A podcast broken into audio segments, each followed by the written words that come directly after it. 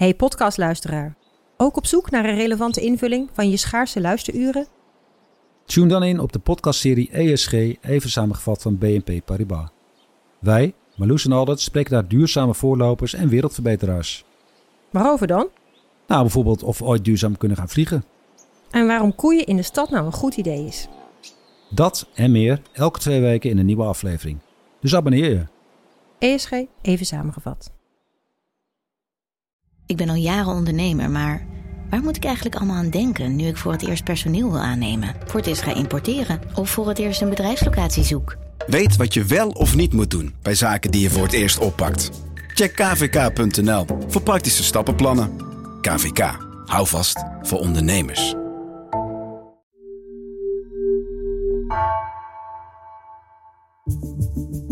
Vanaf de redactie van NRC het verhaal van vandaag. Mijn naam is Gabriella Ader.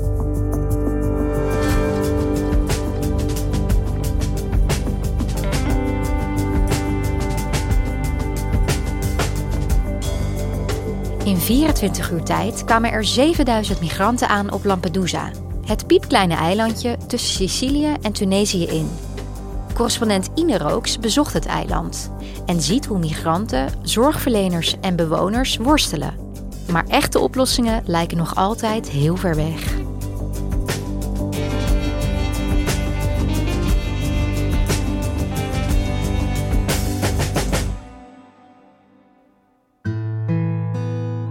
Ik was vorige week op Lampedusa. Dat is een eiland dat uh, helemaal ten zuiden van Italië ligt. Nog een stuk onder uh, het grote eiland Sicilië in Zuid-Italië. En ik was daar naar de begraafplaats gegaan. Een typische Siciliaanse begraafplaats met uh, eigenlijk in plaats van uh, veel platte graven, die je er ook wel vindt, hoge graven, huisjes eigenlijk als het ware, altaartjes, begraafplaatsen voor hele families. Het was een heel uh, kleurrijke plek met heel veel stoffen, bloemen en verse bloemen. En ik sprak daar met uh, Giuseppe, een man van 77, die de graftombe van zijn familie een beetje was aan het bijmetselen, aan, aan het proper maken. Oh, sto restaurando la casa la tomba qua di mia parente. En hij toonde me de weg naar een aantal graven van migranten, onder wie een uh, babytje uit Libië die de overtocht niet had gehaald. Questo è il bambino che è morto in Libia.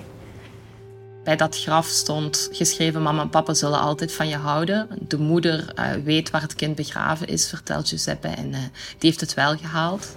C'era anche la mamma. En er lag dus ook een wrakstuk. Daar was een soort kunstwerk, monument van gemaakt. Een stuk van zo'n uh, verongelukte migrantenboot. Met ook een erg mooie tekst eronder. Dit is de laatste rustplaats van moslims en christenen, van oud en jong.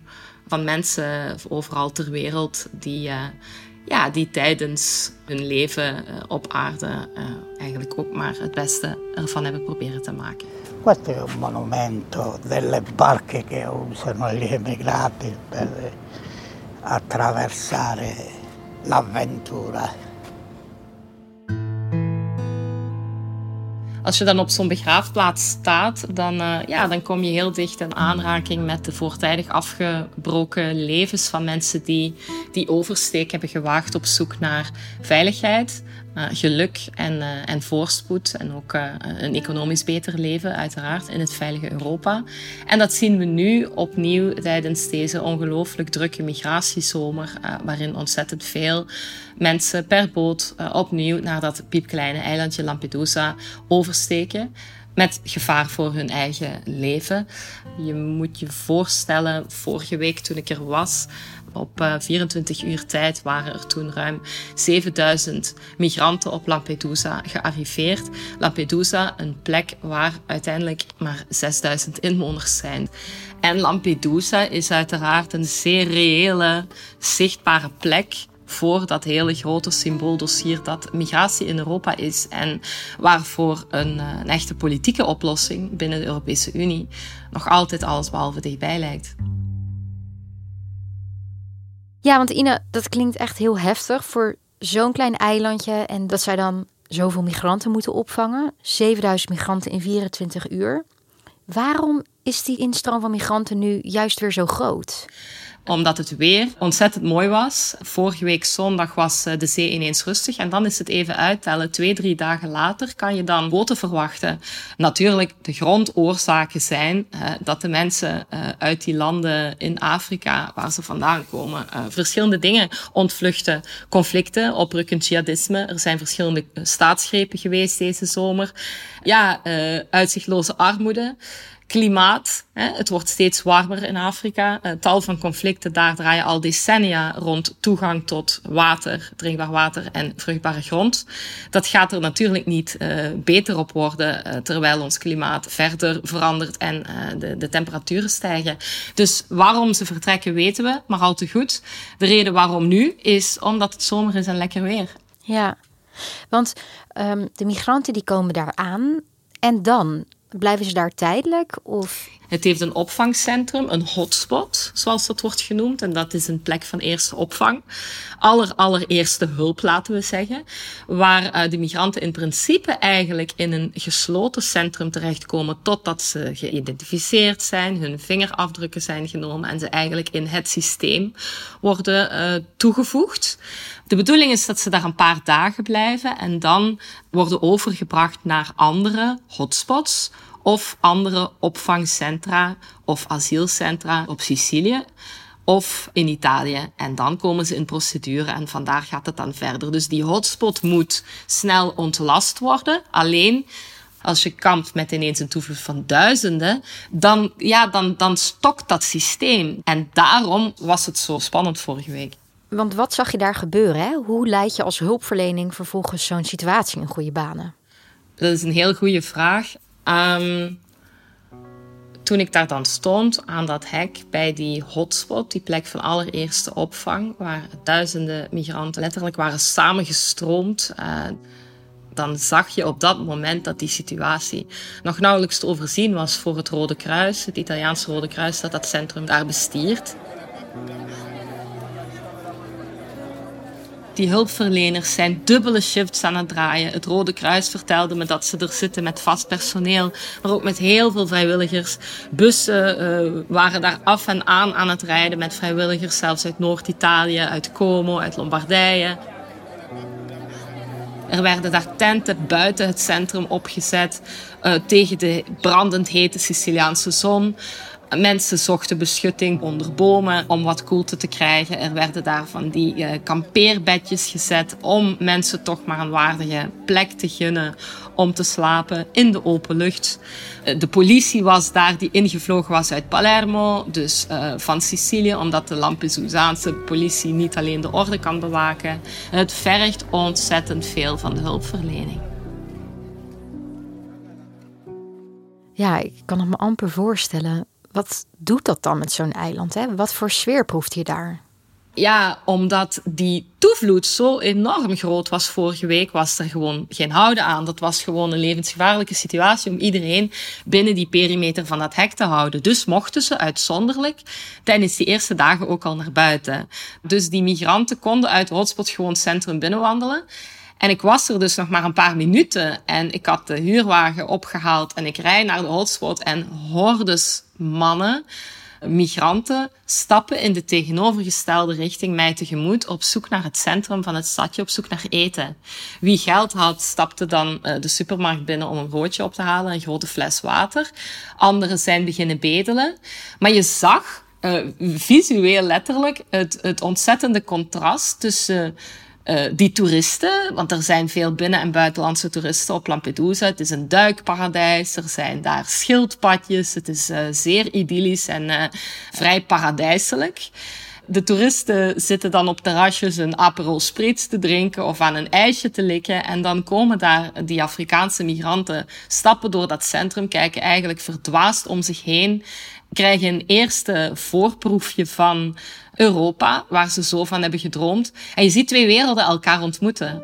En er zijn mooie verhalen geweest van een, een brandweerman die vorige week met vrienden uit ging eten. En hij stapt naar buiten en er staan een tiental jongens uit Burkina Faso voor zijn deur die zeggen: Wij hebben ontzettend veel honger. Ja, die brandweerman is thuisgebleven, is met zijn bejaarde moeder een pot pasta beginnen koken voor ze. En ze hebben una spaghettata gehouden, dus een spaghettiavond. Oh ja, dat is echt super lief. Heb jij zelf daar ook met migranten kunnen spreken? Ja, zeker. En veel eh, verhalen komen dan op je af. Soms eh bots je dan ook eh, ja, toevallig op een verhaal. Ik was van plan bijvoorbeeld om die begraafplaatsen op te zoeken. En terwijl ik er naartoe ben aan het rijden, rijd ik verkeerd en ik rijd de kade op waar de ferryboot aanlegt om ja, Sicilianen, maar dus ook in dit geval de migranten over te brengen naar andere asielcentra. En ze moesten allemaal zitten, omdat ze met zo'n grote groep waren, moesten ze op de grond van de kade blijven zitten, wachtend op de boot, zodat ze zouden kunnen overgebracht worden, omdat de politie anders, stel dat er echt onrust eh, je wilt ook niet dat zo'n groep zich ineens tegen je keert. Wat ga je dan doen? 10, 10 agenten tegenover 500 man? Je maakt geen schijn van kans.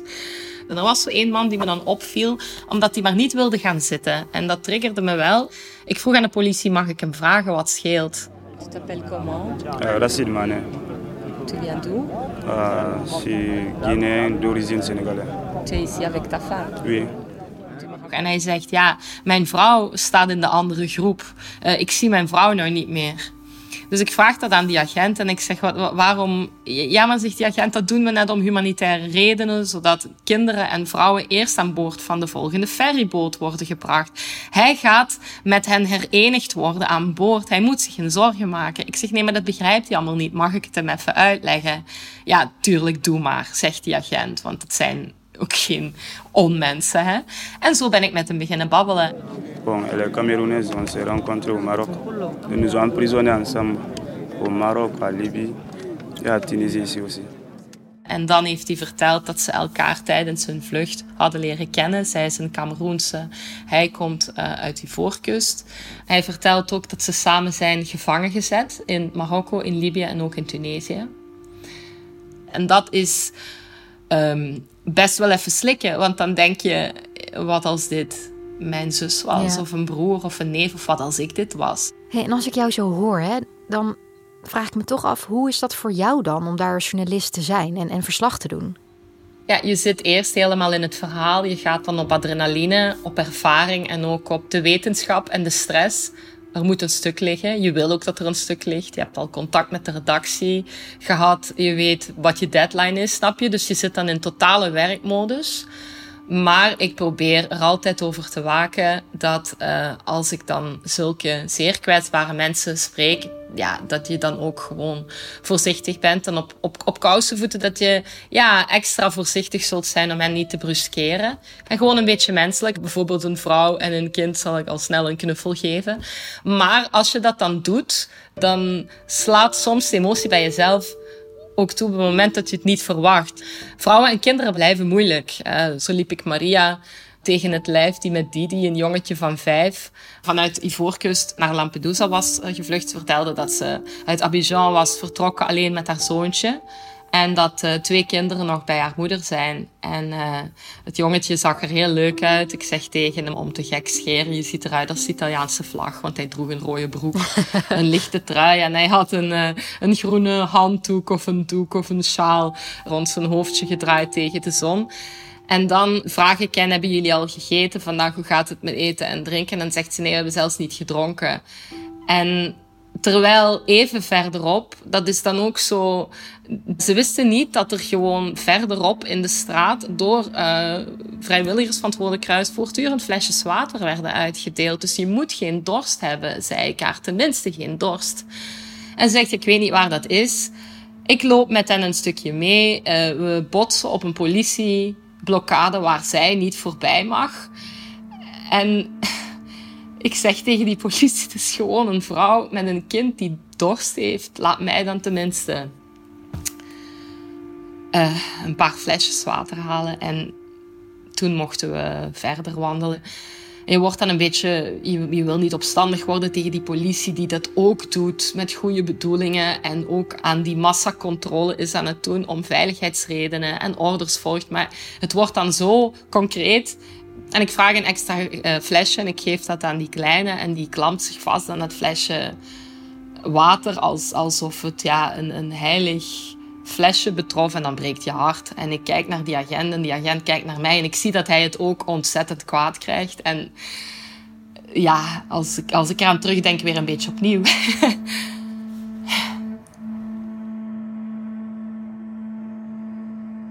Jeetje joh, wat een verhaal.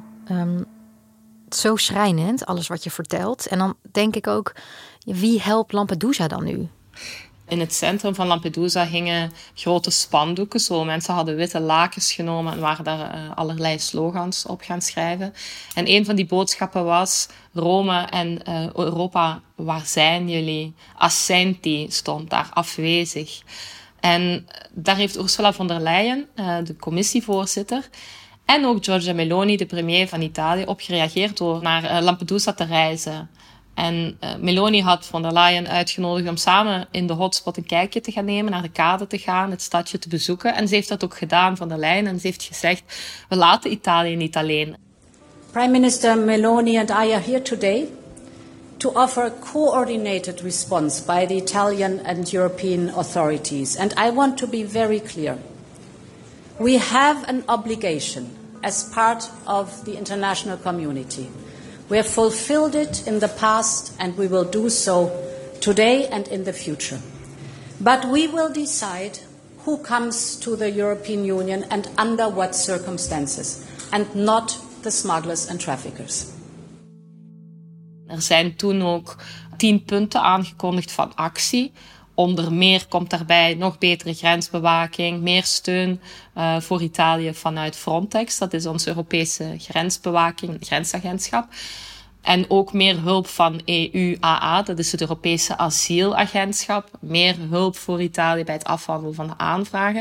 En dat zijn allemaal dingen waar Italië aanspraak op kan en mag maken. Er is ook wel behoorlijke pot Europees geld voor Italië om die eerste opvang bij te, te spijkeren en om daar middelen voor te voorzien. Maar je blijft met die logistieke oefening zitten. En je blijft zitten met het feit dat de boten daar arriveren, zegt Italië. En dat is natuurlijk ook wel waar. Ja, want in een poging om de migratiestroom te beperken werd uh, in juli de omstreden Tunesië-deal getekend hè, door onze eigen Mark Rutte, uh, premier Giorgia Meloni van Italië en Ursula von der Leyen. Hoe gaat dat nu? Ja, klopt. Ze hebben midden juli samen het uh, veelbesproken en controversiële Memorandum of Understanding ondertekend in Tunis. For humanitarian reasons, it is vital that we work together to try to stop people making the dangerous and often deadly Mediterranean crossing as they attempt to reach the EU's shores. It is essential to gain more control over irregular migration. Ja, Mark Rutte blijft achter die deal staan. Giorgia Meloni ook. Europa ook. Anderen staan daar veel kritischer tegenover. Er zijn absoluut wel mensen die vragen stellen bij of je überhaupt met een autocraat als uh, Kais Sayed, de president van Tunesië, die zich steeds dictatorialer is aan het gedragen, of je überhaupt met zo'n man uh, afspraken moet gaan maken. Maar zelfs als je vindt, ja, moeten we doen, het werkt niet. Hè?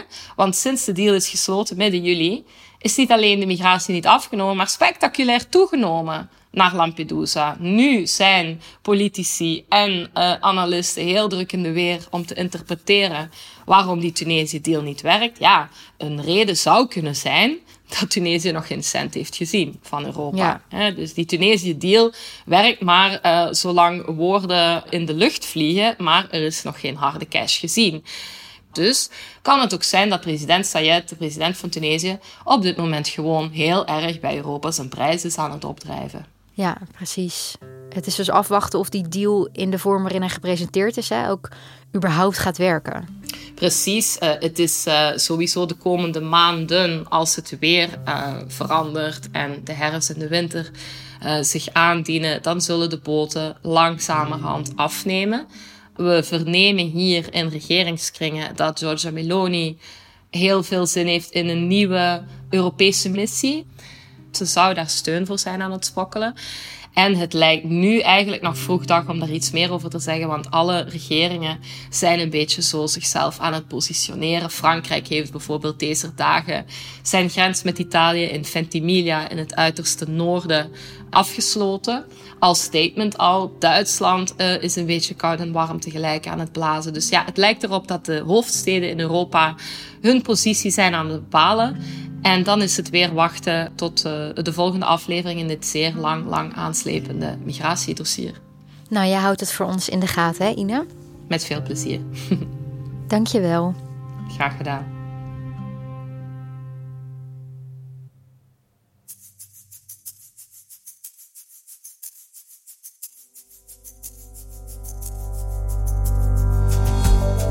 Je luisterde naar vandaag, een podcast van NRC. Eén verhaal, elke dag. Deze aflevering werd gemaakt door Dirk Hooyer, Mila Marie Bleeksma en JP Geersing. Coördinatie door Henk Ruigrok van de Werven. Dit was vandaag, maandag weer.